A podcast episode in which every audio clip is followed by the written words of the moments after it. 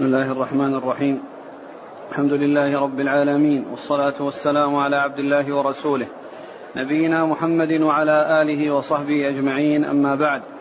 فيقول الإمام الحافظ أبو عيسى الترمذي رحمه الله تعالى يقول في كتابه شمائل النبي صلى الله عليه وسلم في باب صفة النبي صلى الله عليه وسلم الحديث الثامن.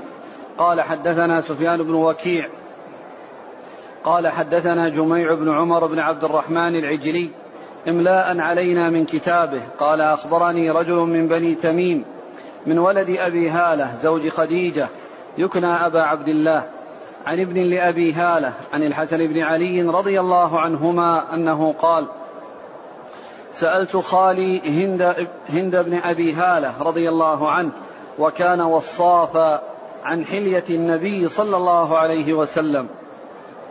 وأنا أشتهي أن يصف لي منها شيئا أتعلق به. فقال كان النبي صلى الله عليه وسلم فخما مفخما يتلألأ وجهه تلألؤ القمر ليلة البدر أطول من المربوع وأقصر من المشذب. عظيم الهامة رجل الشعر إن انفرقت عقيقته فرق وإلا فلا يجاوز شعره شحمة أذنيه إذا هو وفره. أزهر اللون واسع الجبين أزج. أزج الحواجب سوابغ في غير قرن. بينهما عرق يدره الغضب. أقنى العرنين له نور يعلوه. يحسبه من لم يتأمله أشم. كث اللحية سهل الخدين. ضليع الفم مفلج الأسنان. دقيق المسربة كأن عنقه جيد دمية في صفاء الفضة. معتدل الخلق بادن متماسك. سواء البطن والصدر والظهر عريض الصدر بعيد ما بين المنكبين ضخم الكراديس أنور المتجرد موصول, موصول ما بين اللبة موصول ما بين اللبة والسرة بشعر يجري كالخط. عاري الثديين والبطن مما سوى ذلك. أشعر الذراعين والمنكبين وأعالي الصدر. طويل الزندين رحب الراحة شثن الكفين والقدمين. سائل الأطراف أو قال سائن الأطراف. خمصان الأخمصين مسيح القدمين ينبو عنهما الماء. إذا زال زال قلعا يخطو تكفيا ويمشي هونا ذريع المشية. إذا مشى كأنما ينحط من صبب وإذا التفت التفت جميعا. خافض الطرف نظره إلى الأرض أطول من نظره إلى السماء. جل نظره الملاحظة يسوق أصحابه يبدأ من لقي بالسلام. الحمد لله رب العالمين وأشهد أن لا إله إلا الله وحده لا شريك له وأشهد أن محمدا عبده ورسوله صلى الله وسلم عليه وعلى آله وأصحابه أجمعين. أما بعد أورد المصنف الإمام الترمذي رحمه الله تعالى هذا الحديث في صفة النبي صلى الله عليه وسلم الخلقية. حديث هند ابن أبي هالة رضي الله عنه. وهند هذا رضي الله عنه هو ربيب النبي صلى الله عليه وسلم. أمه خديجة بنت خويلد زوج النبي صلى الله عليه وسلم. ولهذا قال الحسن بن علي في روايته الحديث سألت خالي. سألت خالي لأنه خاله من جهة الأم فهند أخ لفاطمة بنت النبي من أمها أخ له من أمها خديجة. ففاطمة رضي الله عنها فهند رضي الله عنه خال للحسن من جهة الأم. خال للحسن من جهة الأم لأن فاطمة وهند أمهما واحدة وهي خديجة رضي الله عنها. وكان هند وصافا. كان هند وصافا. كان رضي الله عنه بليغ الوصف دقيق الوصف له عناية بهذا الأمر. ولهذا أيضا مر معنا أن آه، الحسن بن علي رضي الله عنه قال وكان وصافا قال وكان وصافا أي كان هند رضي الله عنه معروف بدقته في الوصف.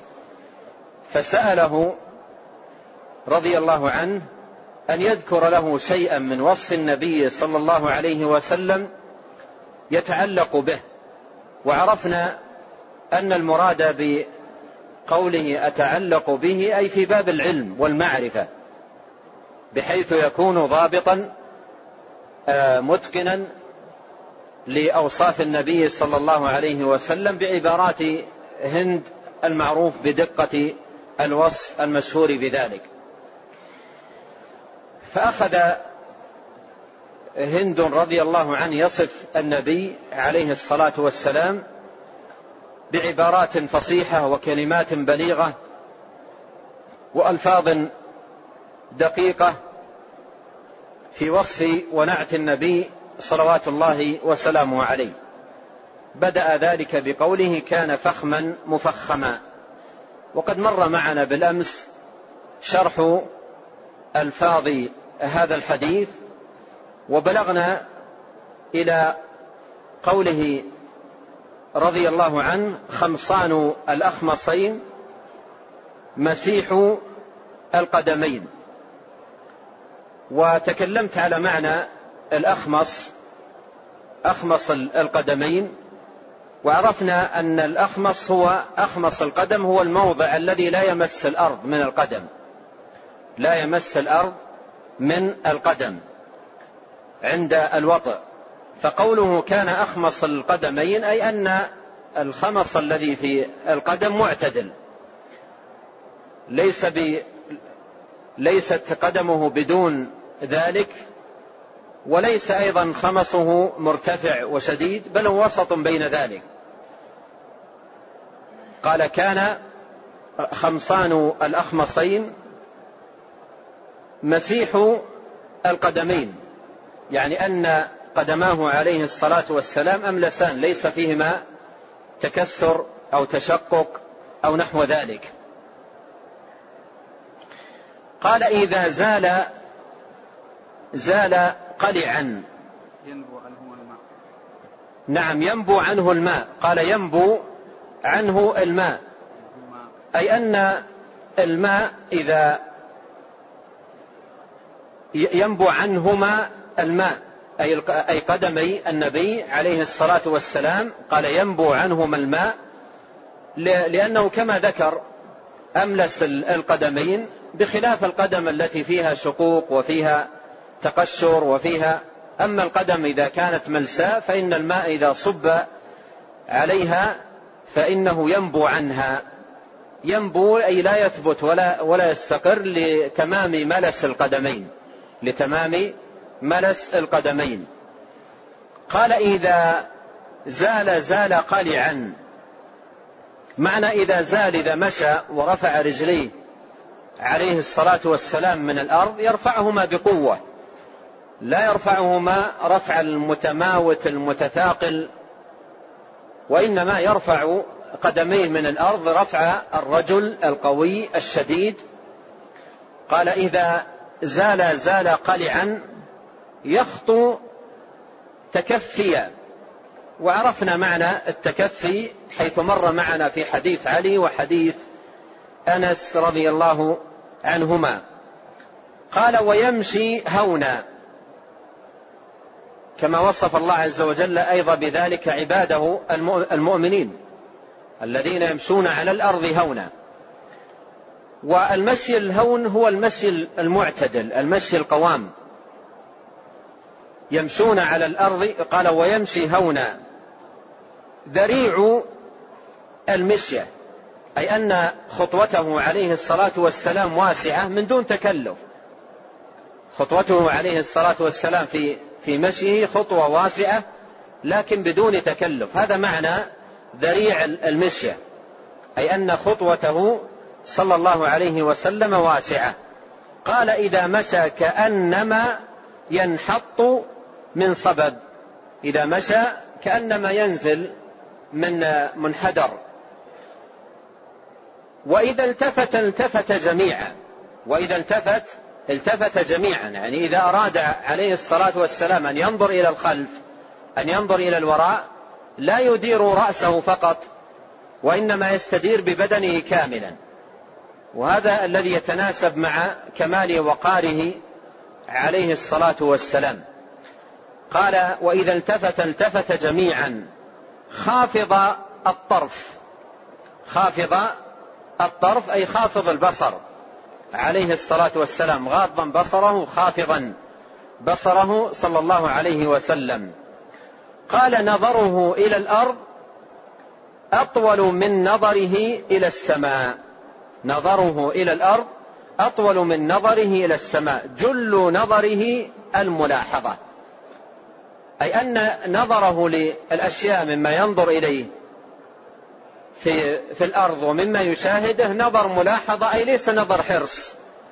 ليس نظر حرص وإنما نظر الملاحظة هو النظر العابر أو النظر الخاطف بخلاف نظر الحريص. قال وجل نظره الملاحظة أي معظم نظره عليه الصلاة والسلام الملاحظة. وقد يكون المراد بالملاحظة هنا التفكر والتأمل والتدبر. قال يسوق أصحابه بمعنى أنه يقدم أصحابه بين يديه ويمشي خلفهم ويكونون أمامه. يقدمهم إذا أراد أن يمشي فيكونون أمامه بين يديه. قال يبدأ من لقي بالسلام. وفي بعض ألفاظ الحديث يبدر ومعناهما واحد. يبدأ من لقيه بالسلام أن يسارع إلى إلقاء السلام على من يلقاه عليه الصلاة والسلام ولو كان صغيرا.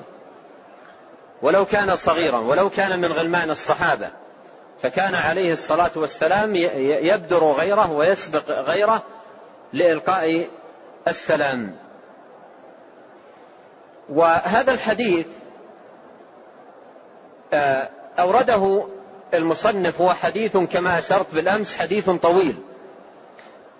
وبتمامه ربما يصل إلى أربع صفحات أو يزيد على ذلك. حديث طويل في وصف النبي عليه الصلاة والسلام.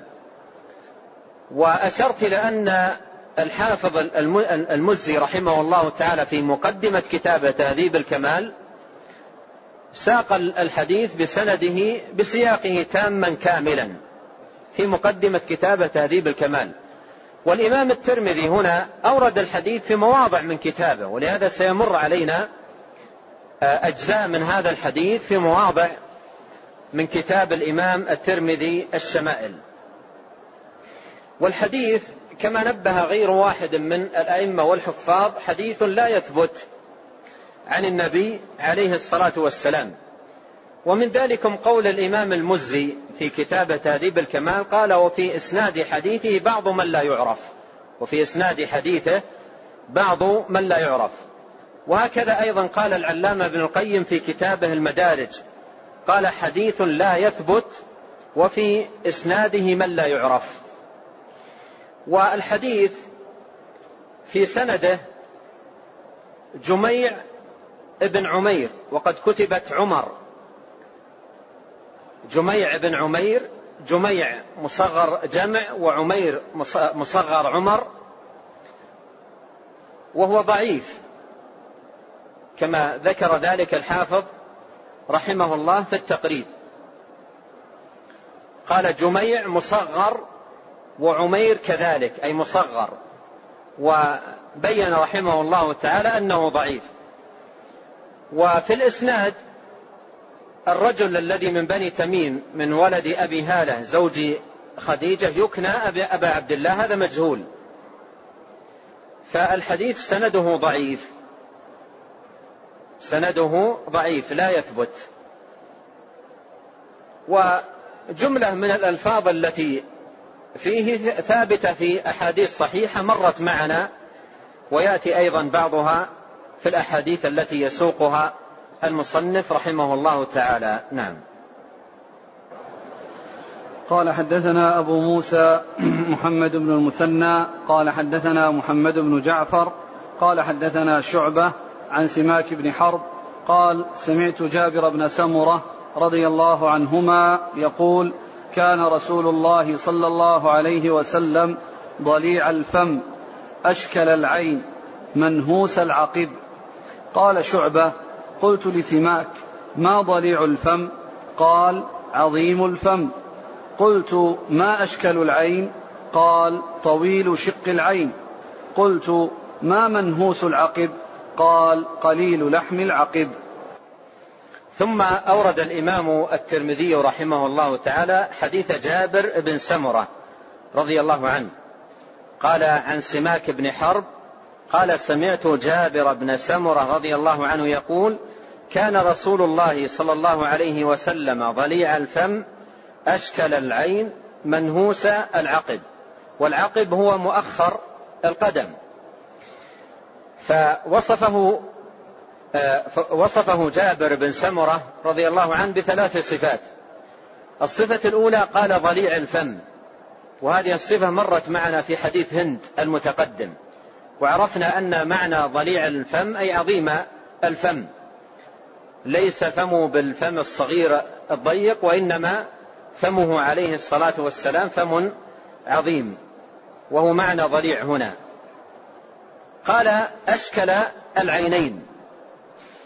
يأتي تفسيرها في في كلام آه، في كلام شعبة في, في كلام سماك راوي الحديث عن عن جابر. قال من منهوس العقب. منهوس العقب أيضا يأتي أنه قليل لحم العقب والعقب هو مؤخر القدم. قال شعبة الراوي للحديث عن سماك قلت للسماك ما ضليع الفم؟ قال عظيم الفم. قلت ما أشكل العين؟ قال طويل شق العين. بهذا فسر سماك رحمه الله تعالى معنى قوله أشكل العين. لكن قال القاضي عياض هذا وهم من سماك باتفاق العلماء وغلط ظاهر. وصوابه ما اتفق عليه العلماء ونقله أبو عبيدة وجميع أصحاب الغريب أن الشكلة حمرة في بياض العين وهو محمود. الشكلة حمرة في بياض العين. فمعنى قوله آه، أشكل العين معنى قوله أشكل العين أي أن في بياض عينه حمرة يسيرة. وهذا أمر يحمد. هذا أمر يحمد. وكأن هذا المعنى مر معنا في في بعض الأحاديث المتقدمة. أدعج. أدعج العينين. هذا السواد سواد العين. لكن أشكل العين هل مر معنا؟ المعنى؟ على كل المراد بقوله أشكل العينين أي أن بياض عينيه عليه الصلاة والسلام فيه حمرة فيه حمرة يسيرة وهذا أمر محمود ومما تمدح به العين. يعد من أوصاف الجمال في العين أن يكون في بياضها شيء من الحمرة. وقوله منهوس العقب قال قليل لحم العقب. منهوس العقب أي قليل لحم العقب. نعم. قال حدثنا هناد بن السري قال حدثنا عبثر بن القاسم عن أشعث بن سوار عن أبي إسحاق عن جابر بن سمرة رضي الله عنهما أنه قال رأيت رسول الله صلى الله عليه وسلم في ليلة إضحيان. وعليه حلة حمراء فجعلت أنظر إليه وإلى القمر فلهو عندي أحسن من القمر. ثم أورد رحمه الله تعالى حديث جابر بن سمرة رضي الله عنه قال رأيت رسول الله صلى الله عليه وسلم في ليلة إضحيان. ليلة آه، إضحيان أي ليلة مقمرة. ليلة مقمرة. وعليه حلة حمراء. رآه في ليلة مقمرة يعني البدر في تمام اكتماله وفي تمام حسنه وجماله. فيقول رأيت النبي عليه الصلاة والسلام ليلة تمام القمر واكتماله في جماله العظيم وحسنه البهي. يقول وعليه حلة حمراء. وعرفنا معنى الحلة الحمراء وقد تقدم تقدمت في بعض الأحاديث. فجعلت أنظر إليه وإلى القمر. ينظر إليه يعني إلى جمال وجهه عليه الصلاة والسلام وإلى القمر أي إلى جمال القمر ويقارن بين الجمالين. جمال وجه النبي عليه الصلاة والسلام وجمال القمر. ينظر إلى القمر وينظر إلى النبي عليه الصلاة والسلام. فلهو يقول عندي أحسن من القمر. فلهو عندي أحسن من القمر. ويأتي في عدد من الأحاديث آه، تشبيه وجهه عليه الصلاة والسلام بالقمر. والتشبيه هنا من باب التقريب من باب التقريب وتوضيح المعنى. وإلا فإن النبي عليه الصلاة والسلام قد كسى الله عز وجل وجهه جمالا وحسنا لا, لا جمالا وحسنا عظيما وبالغا. والحديث في إسناده اشعث ابن سوار ضعيف لكن من حيث تشبيه وجه النبي عليه الصلاة والسلام بالقمر وأنه أجمل من القمر هذا يأتي في أحاديث ومنها حديث البراء الآتي بعده. نعم. قال حدثنا سفيان بن وكيع قال حدثنا حميد بن عبد الرحمن الرؤاسي عن زهير عن أبي إسحاق قال سأل رجل البراء بن عازب رضي الله عنهما أكان وجه رسول الله صلى الله عليه وسلم مثل السيف؟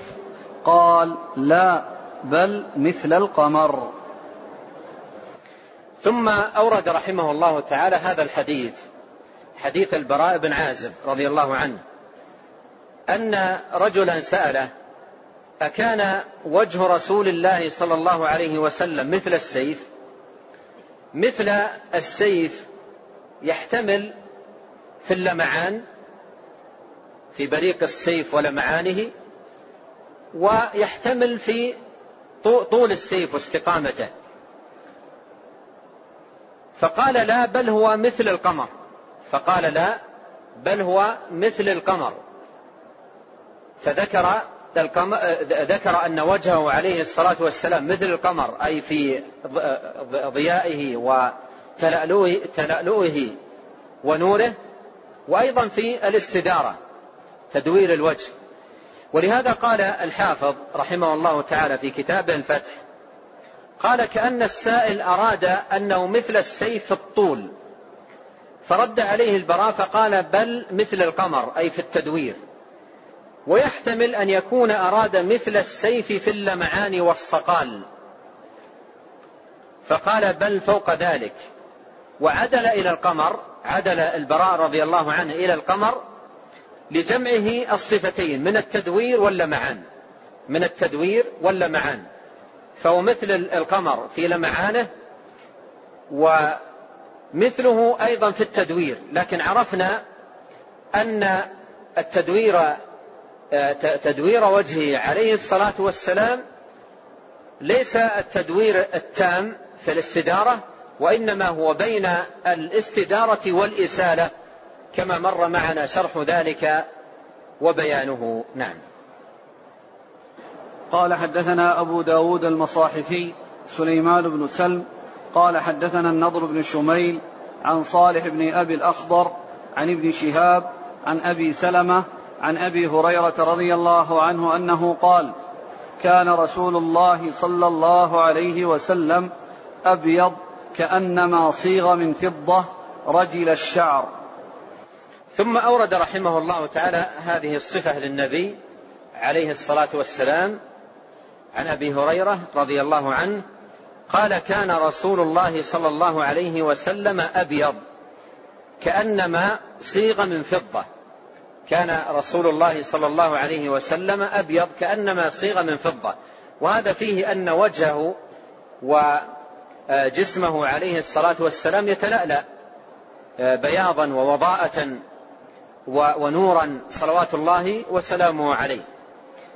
فقال كأنما صيغ من فضة والفضة معروف في لمعانه وتلألؤه.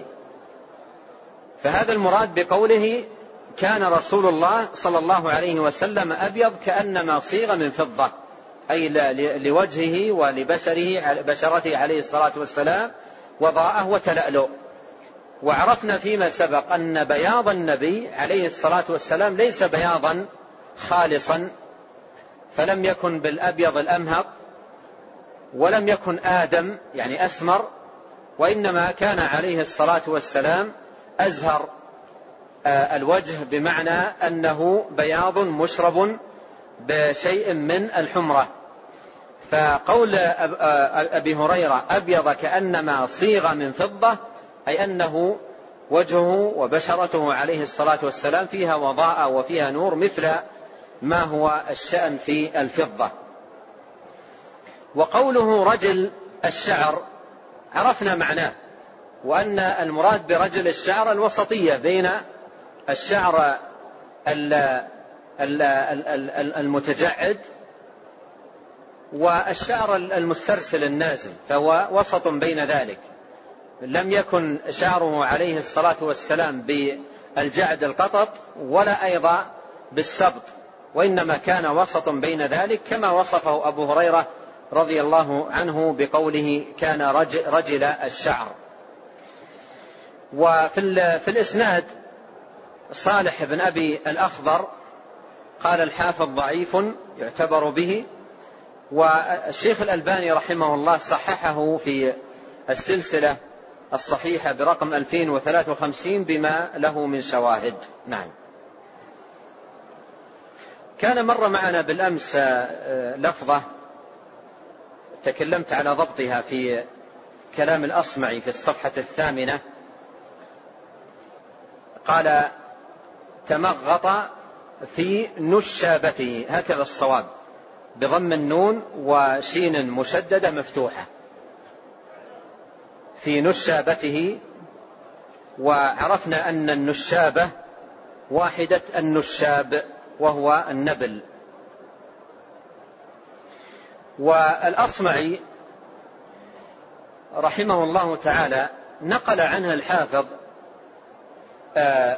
في فتح الباري آه، كلاما أنقله لما فيه من العظة والفائدة. آه، الأصمعي رحمه الله نقل عنه أنه فسر كلمة جاءت معنا في في بعض الأحاديث في وصف النبي قال قال آه، الكفين والقدمين. وعرفنا أن معنى شثن أي ضخم. فكان الأصمعي في بعض حديثه يتكلم عن هذه المفردة من حيث هي كلمة عربية يتكلم عن معناها. سئل عن معنى شثن فقال الشثن هو الغليظ مع شيء مع الخشونة. قال الشتن هو الغلظ مع الخشونة بهذا فسر كلمة شتن. فقال له بعضهم لقد جاءت في هذه الكلمة في وصف يد النبي عليه الصلاة والسلام وقدمه. جاءت في وصف يد النبي صلى الله عليه وسلم وقدمه. وصفت قدمه ويده عليه الصلاة والسلام بأنها آه، بأنه عليه الصلاة والسلام سثن القدمين الكفين والقدمين. ونقلت بالأمس عن أنس رضي الله عنه أنه قال ما رأيت ألين من حرير لمسته من يد رسول الله عليه الصلاة والسلام. ومر معنا أيضا أنه كان مسيح القدمين ينبو, عن ينبو عنهما الماء. فالشثن الشثن الذي وصفت به كفه وقدماه هو الغلظ.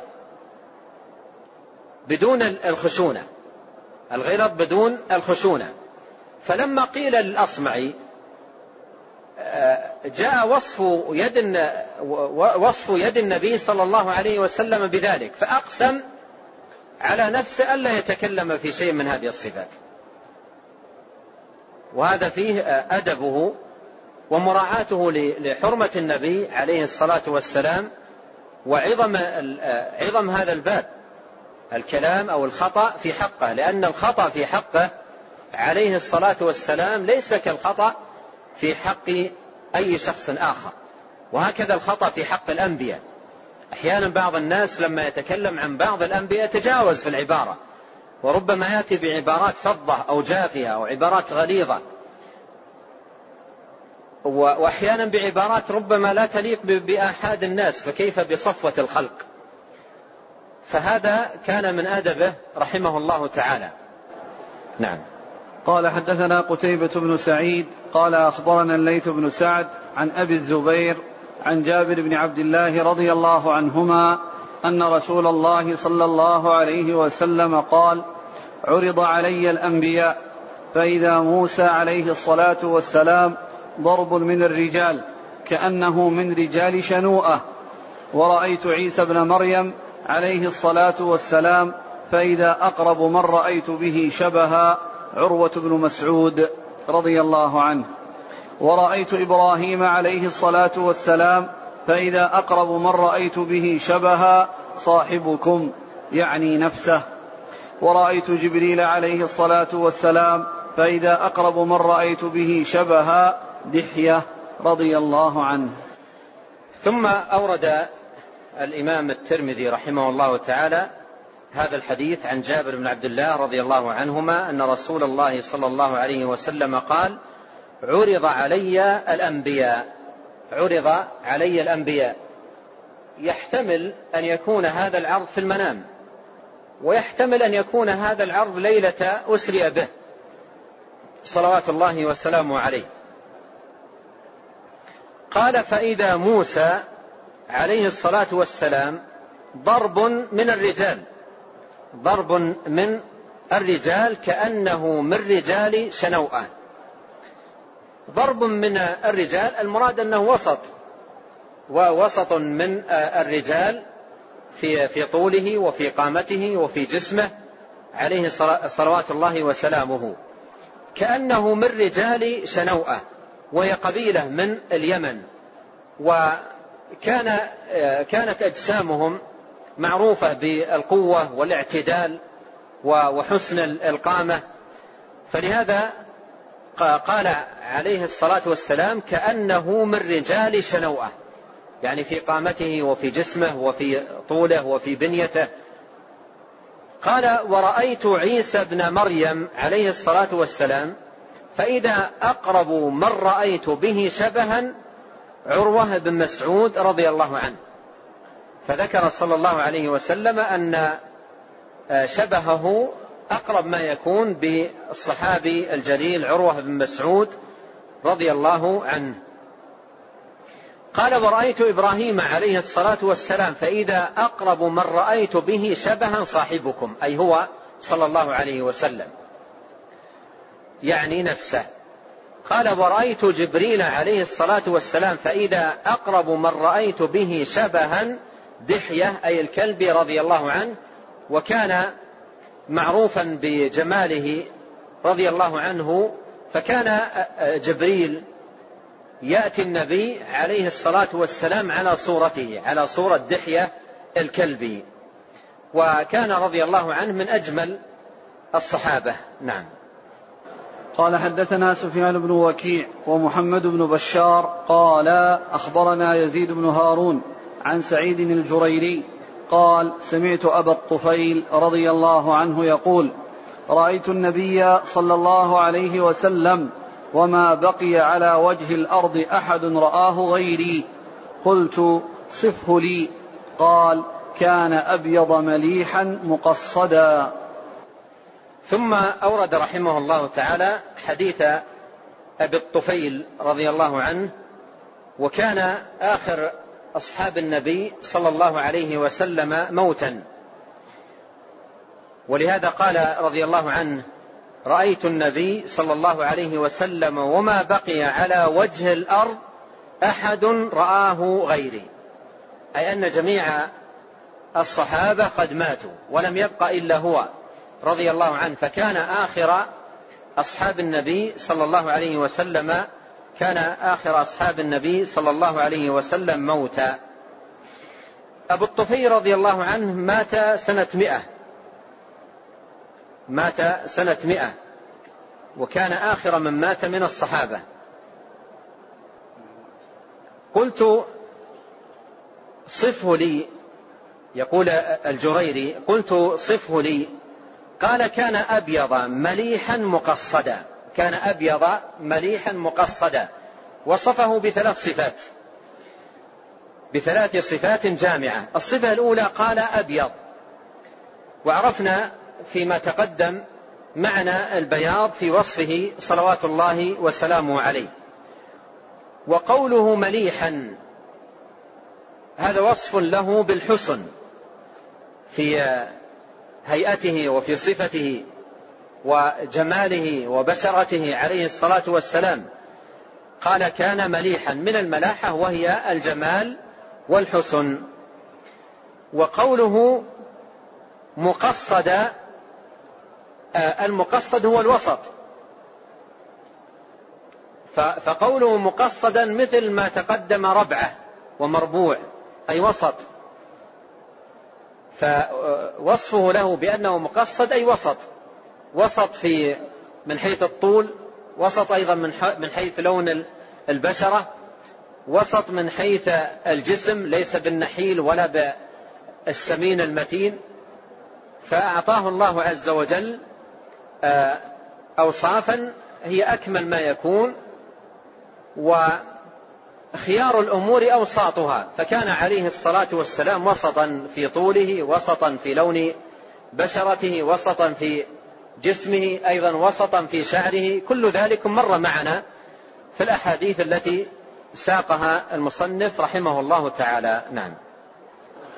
قال حدثنا عبد الله بن عبد الرحمن قال حدثنا إبراهيم بن المنذر الحزامي قال حدثنا عبد العزيز بن أبي ثابت الزهري قال حدثني إسماعيل بن إبراهيم ابن أخي موسى بن عقبة عن موسى بن عقبة عن كريب عن ابن عباس رضي الله عنهما أنه قال كان رسول الله صلى الله عليه وسلم أفلج الثنيتين.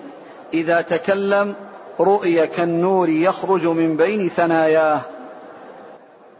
ثم ختم رحمه الله تعالى هذه الترجمة بحديث ابن عباس رضي الله عنهما قال كان رسول الله صلى الله عليه وسلم أفلج الثنيتين. والثنيتان معروفة. والأفلج أي أي أي بين أسنانه عليه الصلاة والسلام فرجة يسيرة. يسمى من كانت به يسمى الأفلج. فكان عليه الصلاة والسلام أفلج الثنيتين. وهذا يعد من من الجمال. وقد مر معنا في بعض الأحاديث المتقدمة نعته عليه الصلاة والسلام بذلك. قال إذا تكلم رؤيا كالنور يخرج من بين ثناياه. رؤيا كالنور يخرج من بين ثناياه. أي أن آه، أي أنه عليه الصلاة والسلام إضافة إلى هذا كان عليه وضاءة وعليه نور صلى الله عليه وسلم. والحديث لا يثبت من حيث الإسناد لأن في سنده عبد العزيز بن أبي ثابت متروك الحديث. عبد العزيز بن أبي ثابت الزهري متروك الحديث فالحديث من حيث الإسناد غير ثابت. وأما وصف آه، النبي عليه الصلاة أو وصف أسنان النبي صلى الله عليه وسلم بذلك هذا آه، تقدم في في بعض الأحاديث التي مرت معنا. أيضا آه، أنبه مر معنا وصف النبي عليه الصلاة والسلام بالنور وأنه مثل القمر.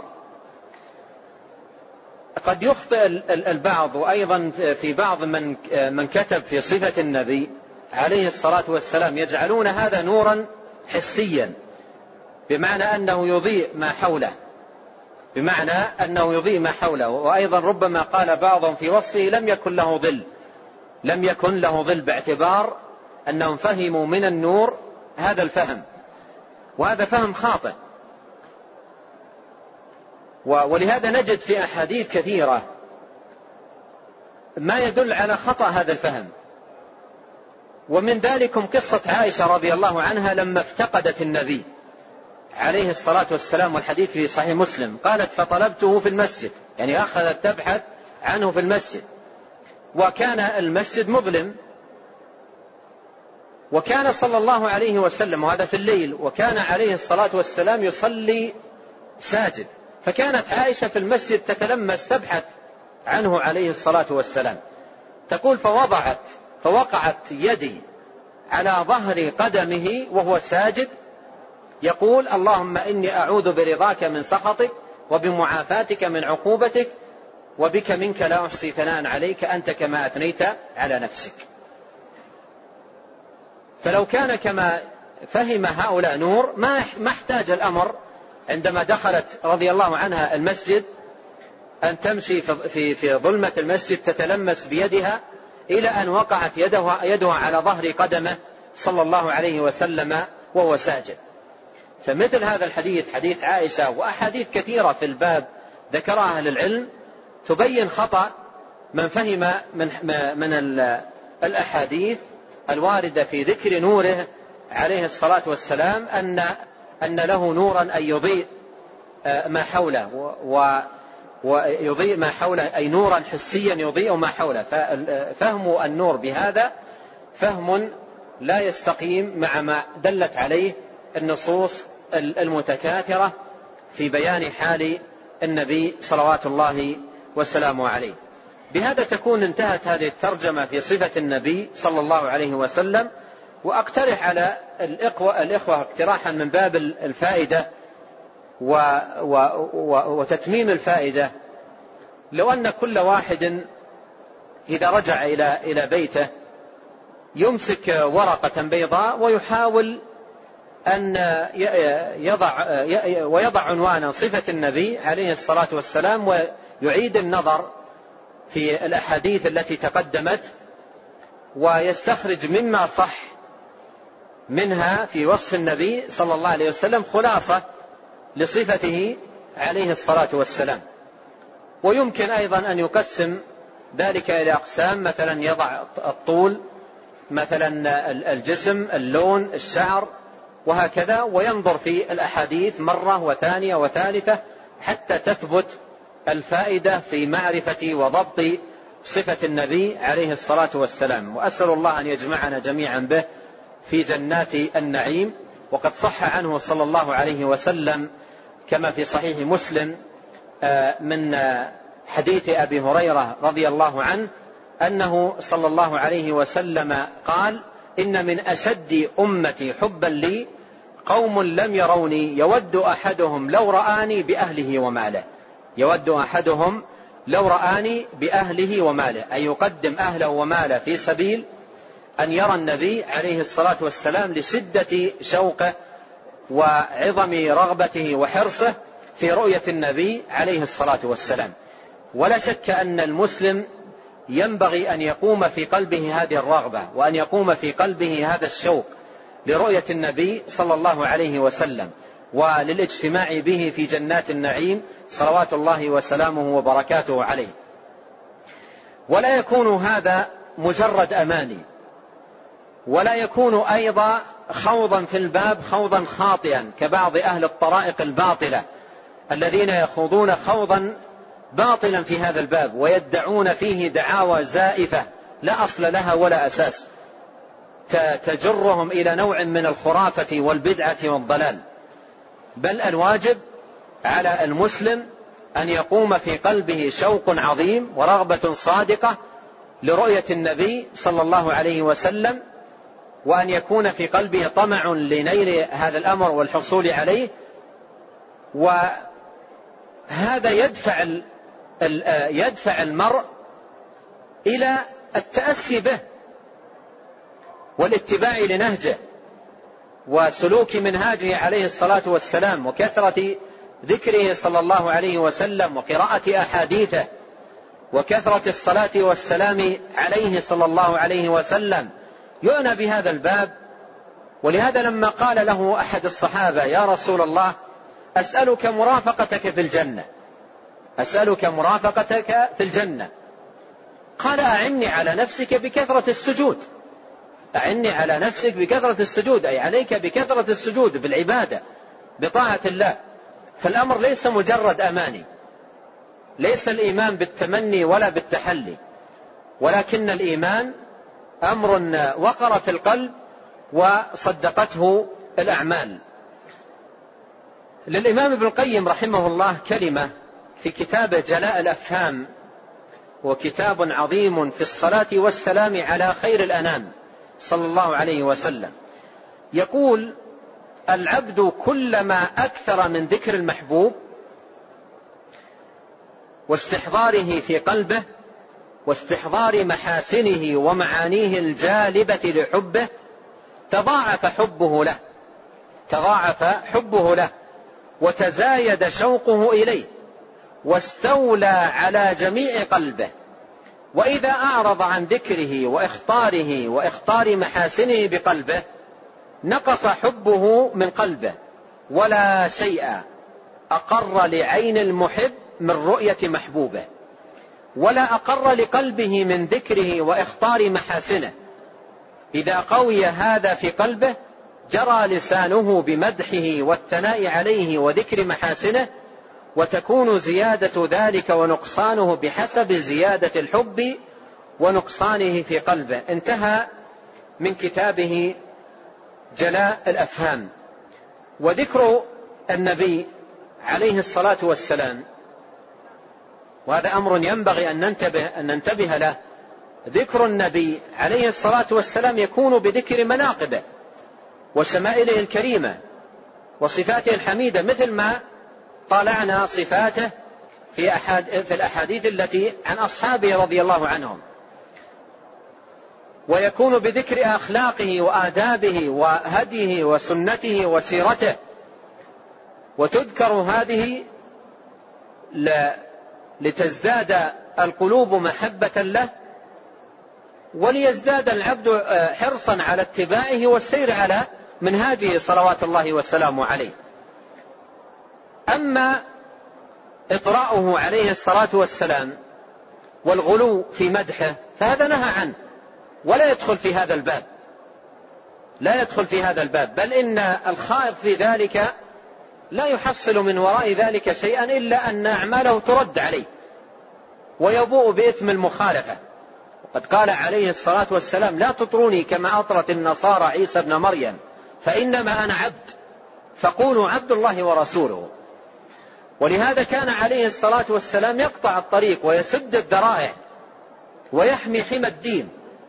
وكان إذا سمع إطراء له وتجاوزا للحد في الثناء عليه ينهى عن ذلك. سمع رجلا يقول ما شاء الله وشئت فغضب. قال بل ما شاء الله وحده. وسمع امرأة تقول وفينا رسول الله يعلم ما في غد فغضب. وقال لا يعلم ما في غد إلا الله. وهكذا يأتي عن أحاديث كثيرة في هذا الباب. ولهذا ينبغي على العبد ألا تغلبه العاطفة الجياشة في حب الثناء والمدح للنبي صلى الله عليه وسلم أن يقع في المخالفة. وبعض الناس وقعوا في, في, في هذا الباب في آه، مخالفة شنيعة. أخذ بعضهم يعطي النبي عليه الصلاة والسلام وهو يثني عليه أوصافا لا تليق إلا بالرب جل وعلا. أوصافا لا تليق إلا بالرب. مثل قرأت مرة أحدهم يثني على النبي عليه الصلاة والسلام في أبيات من الشعر صدرها بقوله هو الأول والآخر محمد هو الظاهر والباطن محمد. مع أنه مع أن هذا القائل لو قرأ السنة لوجد أن النبي عليه الصلاة والسلام كما في حديث ابن عمر كلما أوى إلى فراشه لينام كلما أوى إلى فراشه لينام قال اللهم أنت الأول فليس قبلك شيء وأنت الآخر فليس بعدك شيء وأنت الظاهر فليس فوقك شيء وأنت الباطن فليس دونك شيء اللهم اقض عني الدين واغنني من الفقر. وينام. على ذلك عليه الصلاة والسلام. ثم يأتي هذا الآتي ويقول مادحا النبي. عليه الصلاة والسلام هو الأول والآخر محمد هو الظاهر والباطن محمد.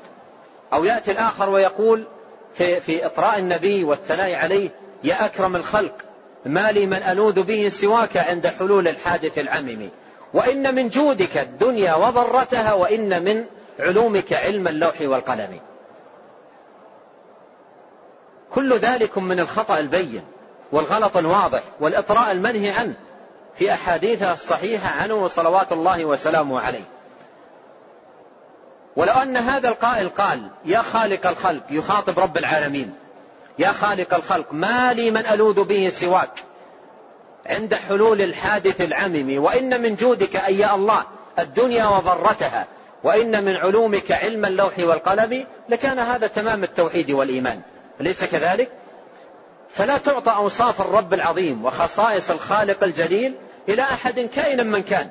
ونبينا عليه الصلاة والسلام هو نفسه لا يرضى بذلك. ويغضب أشد الغضب من ذلك. وإذا سمع أحدا يعطي يعطيه شيئا من خصائص الرب غضب. أشد الغضب صلوات الله وسلامه عليه. ولهذا أؤكد أنه ينبغي على المسلم أن يحرص في هذا الباب إذا لا تحمله عاطفته الجياشة وحبه للثناء على النبي عليه الصلاة والسلام أن يغلط. فيصف النبي عليه الصلاة والسلام بما هو من أوصاف الله أو من خصائص الله سبحانه وتعالى. ولهذا الذي ينصح به المؤمن والذي ينصح به صاحب السنة أن يأخذ الأحاديث الصحيحة الثابتة المنقولة عن عن أصحاب النبي عليه الصلاة والسلام أهل الاعتدال وأهل القوام وأهل الوسطية وأهل الخيرية يأخذ منهم ما وصفوا به النبي عليه الصلاة والسلام ولا يتجاوز هذا الباب لا بغلو ولا بجفاء لا بإفراط ولا بتفريط بل يكون في هذا الباب قواما عدلا وسطا. هذا باب آه، باب خطير للغاية والحذر في هذا الباب يجب أن يكون من جهتين. من جهة الإفراط ومن جهة التفريط. لا يجفو الإنسان في حق النبي عليه الصلاة والسلام والجفاء كله مذموم. ولا يغلو أيضا في حقه عليه الصلاة والسلام بأن يعطيه من خصائص الرب أو من أوصاف الرب أو من حقوق الرب جل وعلا فإن هذا كله لا يرضاه صلوات الله وسلامه عليه. ثم إن من ابتلوا بالغلو في, في فيه عليه الصلاة والسلام والإطراء يصفون من لا يشاركهم في هذا الغلو بأنه جاف. يصفون من لا يشاركهم في هذا الغلو بأنه جاف في حق النبي عليه الصلاة والسلام. والحق أن هؤلاء لما أخذوا جانب الغلو أصبحوا يرون عدم المشاركة لهم في هذا الغلو نوعا من الجفاء بينما من, أرى من أنار الله بصيرته وسدد الله رأيه ووفقه لإصابة السنة والهدي القوام فإنه يكون في هذا الباب عدلا قواما. وخيار الأمور أوساطها لا تفريطها ولا إفراطها. لا يجفو الإنسان في في حقه فهو أكرم خلق الله وأفضل عباد الله وهو خيرة خلق الله وهو سيد ولد آدم صلوات الله وسلامه عليه. وقد كمله الله عز وجل بالكمال في ظاهره وباطنه في أوصافه وحليته وأفعاله وأخلاقه وآدابه. وعدم الإقرار بذلك وإثباته جفاء. والجانب الآخر جانب الغلو وهو مذموم والإطراء بأن يصف النبي عليه الصلاة والسلام بأوصاف ليست له وإنما هي لله جل وعلا. وهذا نهى عنه صلى الله عليه وسلم قال لا تطروني كما أطرت النصارى عيسى ابن مريم فإنما أنا عبد فقولوا عبد الله ورسوله. وقال عليه الصلاة والسلام إياكم والغلو فإنما أهلك من كان قبلكم الغلو في الدين. ولما سمع قائلا أو قوما يقولون أنت سيدنا. ولما سمع صلى الله عليه وسلم قوما يقولون أنت سيدنا وابن سيدنا. قال لا يستجرينكم الشيطان لأن باب باب الثناء وباب المدح قد يأتي الإنسان بمدائح صحيحة.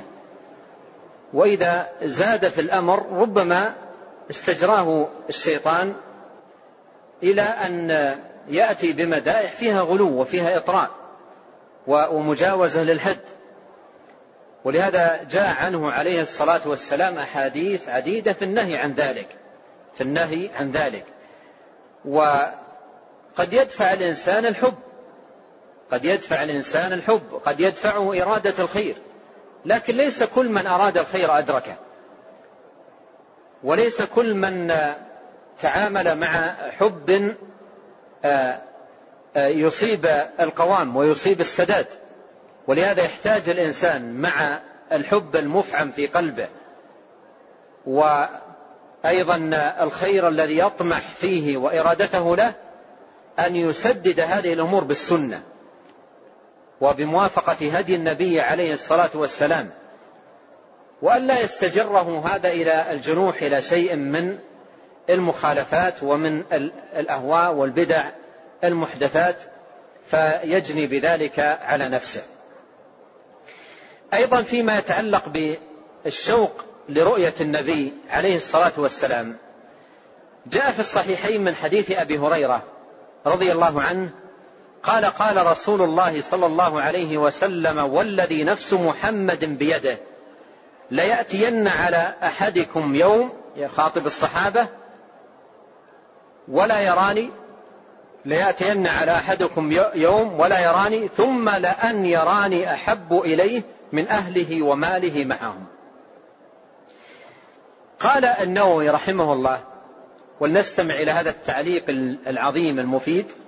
قال النووي رحمه الله ومقصود الحديث حثهم على ملازمة مجالسه الكريمة ومشاهدته حضرا وسفرا للتأدب بآدابه وتعلم الشرائع وحفظها ليبلغوها وإعلامهم أنهم سيندمون على ما فرطوا فيه من الزيادة من مشاهدته وملازمته.